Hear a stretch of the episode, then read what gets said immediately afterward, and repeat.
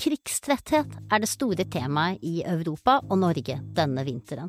Samtidig legger vi om den praktiske politikken vår, slik at forsvar, krigsforberedelser, sikkerhetspolitikk vil spille en stadig større rolle på stadig flere områder i årene som kommer. Henger det på greip? To år etter Putins fullskala invasjon av Ukraina er entusiasmen definitivt borte, men hva står igjen? Velkommen til Morgenbladets podkast om politikk og økonomi. Jeg heter Maria Berg Reinertsen, og ovenfor meg sitter Aslak Bonde. Og da må vi starte med å si med en gang at vi var litt i tvil om vi skulle bruke ordet entusiasme for en krig, men det vi ikke fant noe annet ord for å bruke, det var den stemningen som kom i nesten hele Vest-Europa etter eh, Putins fullskala eh, forsøk på å ta hele Ukraina. Da skjedde jo det som veldig få hadde trodd ikke skulle skje, nemlig at hele Europa samlet seg, at eh, det ble en unison oppslutning om å støtte Ukraina så langt som nødvendig, og at vi i det første, eh, første året, kanskje første halvannet året, var oppsiktsvekkende støtte støttende for hele Ukrainas frihetskrig og de som da prøvde å problematisere det at det er en skyttergravskrig à la første verdenskrig hvor folk dør i hopetall hver eneste dag, de bare slakter hverandre. De folkene som problematiserte det, de var i et veldig lite mindretall. Men så har det kommet en helt ny bevegelse hvor på en måte veldig mange i Vest-Europa snakker om at nå må vi få slutt på denne krigen, og det er veldig pussig at man får krigstretthet i land hvor det ikke er noen krig. Så, men du skal få forsvare dette entusiasmebegrepet ditt først, Marie. Ja.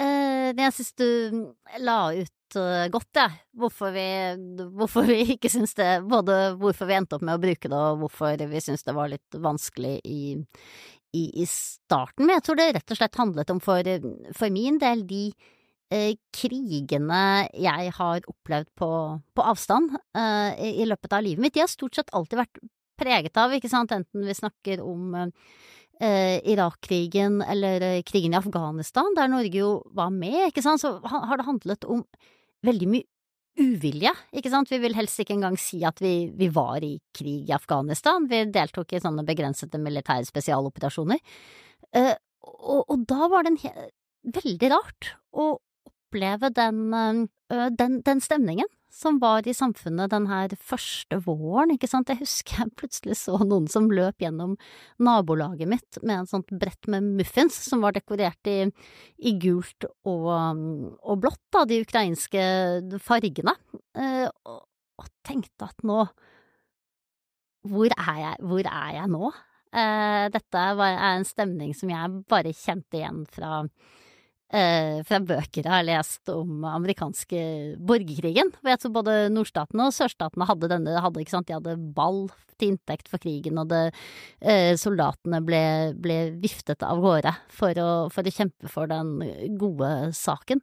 Uh, og, og, jeg minner meg at jeg var jo helt klart en del av det, del av det jeg også. Vi satt i bilen og jubla når vi så ukrainske flagg ved, ved veien og så, og så videre. Og, men den stemningen gikk jo også sammen med en slags tro, da, på etter hvert, ikke sant, på at, at kanskje det er mulig. Kanskje, kanskje, disse ukrainerne faktisk kan klare det ingen trodde at de uh, skulle klare de første dagene, ikke sant, nemlig å holde, holde Russland unna, ta tilbake landet sitt. Og, og, og, hvor blir det av denne, denne, denne følelsen, da, når, når den nå graver seg ned i, i, skyttergravene, og det faktisk er Russland som har vunnet en stor strategisk seier den siste uken? Ja, vi må understreke at vi snakker sammen mandag denne uken på grunn av vinterferien, bare sånn at det er sagt, men det er vel ingen grunn til å tro at Russland gjør nye fremskritt akkurat på en uke etter at de brukte jo et år på å ta den byen som de da tok forrige helg. Men eh, eh, det som vel er interessant med den stemningen som var i Europa, det var at den la grunnlaget for det andre fenomenet som vi ser nå, som, som på en måte er litt uforenlig med entusiasmen for krig, nemlig at vi har startet på en ganske så kraftig militær opprustning. Eller skjønt, det, da tar jeg ting på forskudd. Det, politikerne har bestemt seg for å starte en veldig mm. kraftig eh, militær opprustning. Om den kommer, vet vi jo strengt tatt ikke ennå. Men eh, det er så kraftige signaler fra hele uh, det europeiske, vesteuropeiske establishment at, uh, uh, Jonas Gahr Støre plutselig de to siste ukene har inntatt en helt ny holdning, egentlig. Eh, I NRK i forrige uke så han, fikk han masse sendetid på å forklare at vi trenger ikke å være redd for at Russland angriper oss. I Klassekampen mandag denne uken eh, tok han til orde for mot de som på München-konferansen forrige helg sa at eh, det er jo bare et spørsmål om tid før Putin angriper et nytt land. Eh, og og plutselig så ser han litt sånn avvikende ut fra veldig mange andre vestlige ledere, ikke minst den svenske statsministeren, som da har brukt denne vinteren til å si at vi må forberede oss mentalt på krig. Ja, Støre vil roe ned krigsfrykten. Eh, overskriftene i Klassekampen, er det… Hvordan leser du det her? Hva er det han egentlig vil? Det vet jeg ikke, og det har jeg gått rundt og spurt om også, en god del, og folk er veldig usikre på hva han vil. Det er to ulike tolkninger her. Den ene er at dette er en eh, klok diplomat som har i blodet at han skal ned, avdramatisere, ikke skape frykt, være balansert, og at han egentlig eh, ikke mener noe annet med dette enn å berolige befolkningen. Den andre eh, tolkningen, det er at dette er altså den gamle Jonas Gahr Støre som hele tiden har trodd litt mer enn veldig mange andre politikere på at det er mulig å få til nye relasjoner med Russland, at det er mulig å holde lavspenning i nord, og at Eh, vi må hele tiden tenke på i hvilken grad vi kan vise Russland at vi ikke vil angripe dem, og at vi kan bli en god nabo fremover. Eh, Jonas Gahr Støre har jo i veldig lang tid brukt dette uttrykket at man kan ikke klippe Russland ut av kartet, altså det er vårt naboland og kommer til å være vårt naboland. Og det er mulig at det er den eh, tenkningen som ligger bak.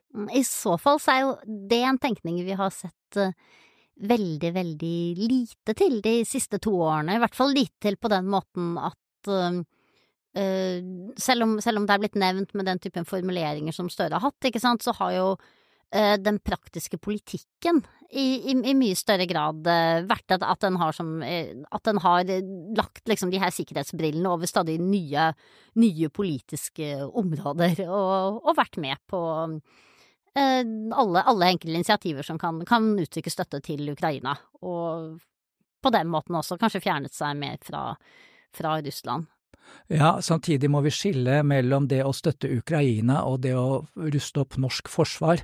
Okay. Eh, men ja, må, må, vi ikke det da? Altså, jo, nå ble jeg litt usikker, men eh. jo, jeg, jeg, tror vi må det fordi eh, støtten til Ukraina her hjemme, den er jo unison, faktisk. Eh, fortsatt er Rødt og SV med. Det er få europeiske land som har en så samlet og bred støtte for å hjelpe Ukraina med våpen og utstyr som Norge.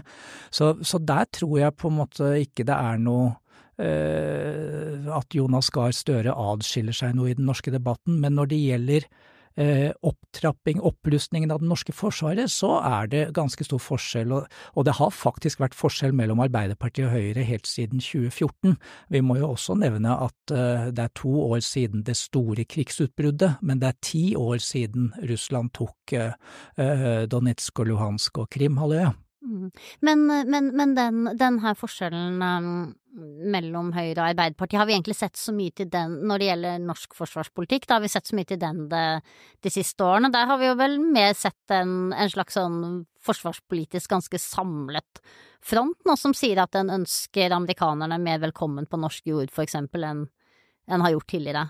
Og, og, det er derfor jeg er så usikker på egentlig hva Jonas Gahr Støre mener, fordi vi har jo nettopp inngått en ny avtale, eller varslet en ny avtale med amerikanerne, med mange nye eh, de nekter å kalle det baser, det er sånn historiske grunner. Mange nye områder i Norge hvor amerikanerne skal ha spesielle rettigheter hvis de kommer oss til unnsetning i en krigssituasjon. Og Jonas Gahr Støre, vi så, vi så, ulikhet mellom Høyre og Arbeiderpartiet i fjor når det gjaldt det å støtte Nammo med å øke produksjonen av artilleriammunisjon, eh, men i januar så snudde regjeringen trill rundt og gjorde ikke akkurat som Høyre sa, men nesten som Høyre sa, ga masse penger for at Nammo skulle kunne produsere mer eh, ammunisjon. Eh, det var mye triksing med regelverket der, og mange formelle grunner til at regjeringen hadde holdt igjen i fjor, men nå i januar så bare ga de etter og økte produksjonen. Det er jo sånn tegn på opprustningsvilje, og det aller viktigste det er at Jonas Gahr Støre, samtidig som han har beroliget befolkningen, har gitt helt nye og klare signaler om hvordan langtidsplanen for Forsvaret kommer til å bli.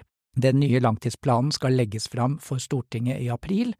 Der har han nå sagt at uh, han sa på den sikkerhetskonferansen i München at det blir den største økningen i budsjettet siden annen verdenskrig, og da regner jeg med at han ikke tenkte i kroneverdi, men i prosent.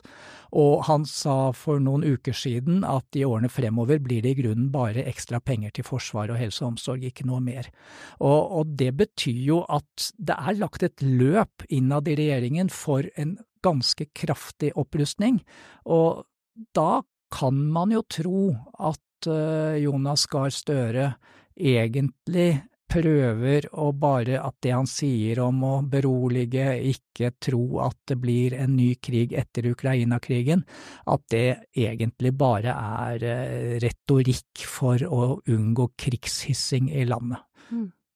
Hvordan eh, da har vi tenkt på å snakke om, om, støtten vår til Ukraina, vi har snakka om hva som skjer med norsk forsvarspolitikk. Men jeg vet at du også mener vi er nødt til å snakke om alliansepolitikk her. Nordisk forsvarsforbund. For det er et av problemene for uh, den norske forsvarsledelsen nå, at mens de Altså, skal, skal, vi ta et ordentlig historisk ja, bakteppe? Kom igjen. Ja, fordi rett etter annen verdenskrig, 70 år siden, så var det mange i de tre, i de fem nordiske landene som jobbet for å få til en nordisk forsvarsunion. Eh, det også i, spesielt i det norske Arbeiderpartiet var det sterke krefter. Einar Gerhardsen var visstnok for å få til en nordisk forsvarsunion. Tankegangen da var at man ikke skulle gå med i det som tegnet til å bli NATO, den vestlige forsvarsalliansen. Og så var det sterke motkrefter i Norge, mange som var veldig USA-orientert etter å ha vært der i krigen, eh, mange som var Storbritannia-orientert etter å ha vært der, ikke minst. I tillegg så fikk Finland beskjed fra Russland om at vi godtar ikke at dere blir med i en vestlig forsvarsallianse, og det ble tolket som at de heller ikke vil, fikk lov til å bli med i en nordisk forsvarsallianse. Og det er verdt å minne om at eh, da eh, jeg brukte uttrykket da fikk de beskjed av Russland, altså da var frykten for Russland så stor i Finland at man valgte den type politikk som ble kalt finlandisering, at man tok signaler fra Russland og ikke provoserte dem ytterligere. Og når da attpåtil Sverige hadde vært alliansefrie i ja, nå, nå, sier vi 200 år, så da blir det vel 130 år, da, så, og hadde vært lyktes med å holde seg utenfor de to siste krigene, så var heller ikke de noe særlig interessert i, i å komme inn i en nordisk forsvarsallianse. Og nå er jo det historie, Sverige og Finland er blitt med i NATO og de kommer til å bli mer vestvendte og mer eh, aggressive i anførselstegn overfor Russland enn det vi noen gang har vært. Og når jeg sier aggressive i anførselstegn, så er det at Finland må uh, bygge opp sin, sitt landforsvar mot Russland, og de kommer til å stå tett mot grensen den type politikk vi hadde før for å berolige russerne, holde våre styrker ganske langt unna den russiske grensen, den typen politikk kan vi ikke fortsette med. Det gir altså mye mindre spillerom for Jonas Gahr Støre og andre som vil prøve å berolige russerne i forsvarspolitikken, fordi vi må støtte Finland, vi må støtte Sverige, og dermed så blir vi også mye tettere på den russiske grensen enn vi har vært før, og kan bli oppfatta som mer truende, selvfølgelig. Så, så fra å ha hatt uh, naboer som har prøvd å ligge lavt, sånn at egentlig det var det vi gjorde i nordområdene som var det mest synlige. Så må vi nå også ta hensyn til uh, hva, hva, de, hva, de, andre gjør på en annen måte, da. Og, og egentlig stille oss litt solidariske med, med, med, med dem. Men, men, da blir jo litt spørsmålet for meg her, for at vi vi var enige om den vi skulle snakke, lage denne episoden her, to år etter Russlands fullskala invasjon av Ukraina, at det er egentlig litt smått, ikke sant, å snakke om, om, dette, hva som skjer i norsk politikk. Fordi det er jo, det er jo ikke det vi er mest opptatt av, det, det virkelig viktige skjer jo i Ukraina og på slagmarken i Ukraina, men så er jo på en måte Norge et case da, på noe som skjer i veldig mange land i Europa nå, nemlig at den går fra denne liksom innledende sånn totale støtten, vi stiller oss bak Ukraina, Ukraina må bestemme når man skal gå til forhandlingsbordet, Ukraina må bestemme hva som er de, hva skal jeg si, eh, relevante liksom, kriteriene for en, en, en, seier eller ikke i denne krigen, til en sånn litt sånn ulmende diskusjon, diskusjon i, i bakgrunnen om at det kanskje ikke er så enkelt lenger. Hvor lenge kan vi holde på? Hvor store kostnader har dette for Ukraina? Hvor store kostnader har dette for Ukrainas uh, allierte? Og her er jo Norge eh, også et case. Og så, som du sa, så er jo støtten, politiske støtten til Ukraina er jo veldig stor i Norge eh, fortsatt. Men, men, hvordan er det med dette synet på alternativer? Til, eh, til, krig og til, eh, til opprustning. Eh, er det, er det, et større spillerom for det, for å diskutere det nå, tenker du, enn det var det, det hadde jeg tenkt å spørre deg om. Ja. Det er altså En annen verden er mulig, var jo et slagord man brukte en gang. Også på en måte virker det ganske håpløst, men det er, det er veldig viktig å, å, få fram at det er jo krefter, og kanskje mye sterkere nå enn tidligere, som øh, jobber for alternativer til det som nå skjer. Så kom igjen, Maria. Ja, ja. ja. ja det jeg har brukt litt tid på øh, denne helga, det er boka til Linn Stalsberg. Eh, som eh, rett og slett da prøver å, å, utvikle den pasifistiske posisjonen, fredstanken, og hun er veldig åpen på at dette er en bok hun skriver for å gi på en måte fredsaktivistene da eh, litt sånn ryggrad. Litt, litt, sånn oppheppet selvfølelse, fordi det har vært veldig vanskelig å, å, å stå og snakke om, om fred i, i, Norge de siste, siste to årene og nå, nå, må jeg innrømme at jeg eh, jeg syns det er veldig interessant. Jeg, jeg syns det er veldig interessant at noen liksom går ut og forsøker, å, forsøker å, å, å, utforske det argumentet i den situasjonen vi er i nå. Det har jeg eh, savnet. Lena Lindgren her i Morgenbladet er vel en av få som har gjort det før, men eh, samtidig så syns jeg at Stolsberg gjør det Stalsberg gjør det litt sånn vanskelig for seg selv, og i hvert fall vanskelig for tenkningen min, fordi at hun, hun skjener litt sånn mellom Ukraina, eh, de, altså de to krigene som preger oss mest nå her i Vesten, nemlig krigen i Ukraina og krigen i, uh, på Gazastripen. Hun skjener litt sånn mellom de to krigene, og det opplever ikke jeg som så veldig fryktbart. For hvis vi alle her er enige om at både Hamas og Russland tok veldig dårlige valg da de angrep uh, naboen, naboene sine for henholdsvis et halvt og, og, to år siden, så er jo på en måte diskusjonen hva er det, og det vi er, kanskje er uenige om, ikke sant, det er hvordan skulle Israel og hvordan skulle Ukraina respondere, og da forekommer det i hvert fall meg at Israel hadde mange flere alternativer enn enn Ukraina. Når det er sagt, da, så syns jeg at der det er veldig interessant å lese henne, er jo det at hun nettopp peker på dette med Hun er opptatt av dette med militarisering av et, av et samfunn. Eh, dess mer man ruster opp, dess mer man søker militære løsninger, dess bedre blir man også på de militære løsningene, og dess lettere er det at man griper til dem. Og, og, der tenker jeg på en måte det som har skjedd i Norge de siste par årene er interessant, da, fordi den her sikkerhetsdiskusjonen, den, den har, og det er ikke noe som noen har, liksom bestemt ovenfra, så er det sånn ukoordinert, så skjer det at den liksom influerer stadig nye områder av samfunnet. Jeg var for eksempel på en panel, hørte på en panelsamtale om strøm og strømpolitikk, kraftpolitikk, i Polyteknisk forening for et halvt års tid siden. Og, og da er det Elkem, da, representanten fra Elkem, en av de store bedriftene, som argumenterer for at en må sørge for uh, billig kraft til norsk industri. Eh, av sikkerhetshensyn, forsyningssikkerhet, fordi det er viktig at industrien befinner seg i sånne stabile demokratier som Norge, og for ti år siden så ville han jo argumentert for billig kraft av hensyn til arbeidsplasser og bosetning i distriktene og sånt, ikke sant, men nå er liksom sikkerhetspolitikk blitt det mest gangbare argumentet, da. Er det noe du kjenner igjen? Eh, teoretisk sett ja. På den annen side så jeg er litt overrasket nå om noen uker så får vi Nasjonal transportplan. Jeg har spurt litt der, kom, man kunne jo brukt masse forsvarspenger til å lage veier og jernbane i Nord-Norge. Det hadde egentlig vært logisk, men det ligger visst ikke an til det, at man, at man virkelig drar det totalberedskapsperspektivet så langt. Jeg leste en kommentar av Eirik Mosven i Avisa Oslo denne uken som skrev om regjeringskvartalet, og han hadde et interessant poeng ved at dette er jo 50 milliarder kroner for å sikre mot terror, mens det vi frykter nå er jo krig, og da kommer regjeringen ikke til å være i regjeringskvartalet, da kommer den jo til å være i et krigshovedkvarter et eller annet hemmelig sted i landet. Eh, så, så på en måte, det er en del ting som ikke skjer også, men i teorien er jeg helt enig med deg, og det er jo det, hvis man bare har en hammer, så blir alt det man skal på en måte forholde seg til, det blir spikere. Og, og sånn sett så er jeg helt enig med deg i at det er en problemstilling. Eh, men jeg tror vi må på en måte ta litt mer med eh, altså ikke nødvendigvis pasifistperspektivet, men i hvilken grad det kan være mulig å tro på forhandlinger i Ukraina, selv om Zelenskyj sier høyt at han ikke vil ha det.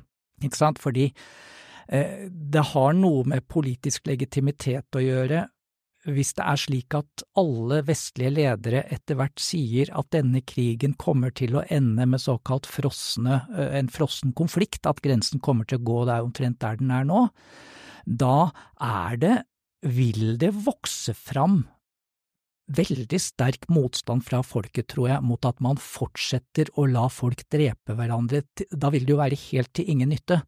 Da er det utelukkende en kjøttkvern.